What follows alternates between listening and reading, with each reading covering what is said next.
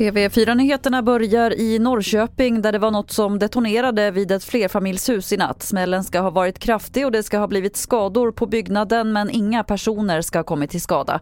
Det utreds som allmän farlig ödeläggelse bland annat men polisen har inte gripit någon misstänkt.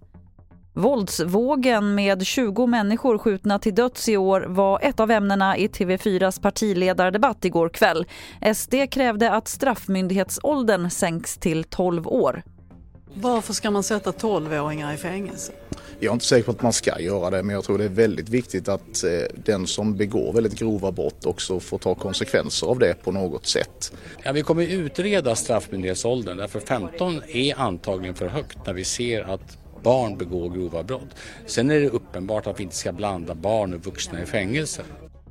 SDs Jimmy Åkesson, statsminister Ulf Kristersson och reporter var Åsa Stibner.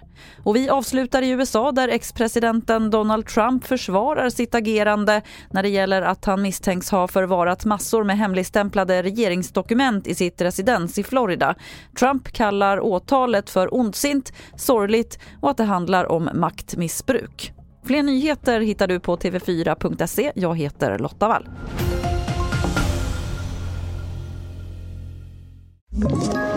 Ett poddtips från Podplay.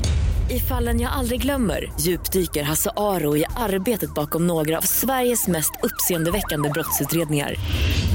Går vi in med hemlig telefonavlyssning och, och då upplever vi att vi får en total förändring av hans beteende. Vad är det som händer nu? Vem är det som läcker? Och så säger han att jag är kriminell, jag har varit kriminell i hela mitt liv men att mörda ett barn, där går min gräns. Nya säsongen av Fallen jag aldrig glömmer på Podplay.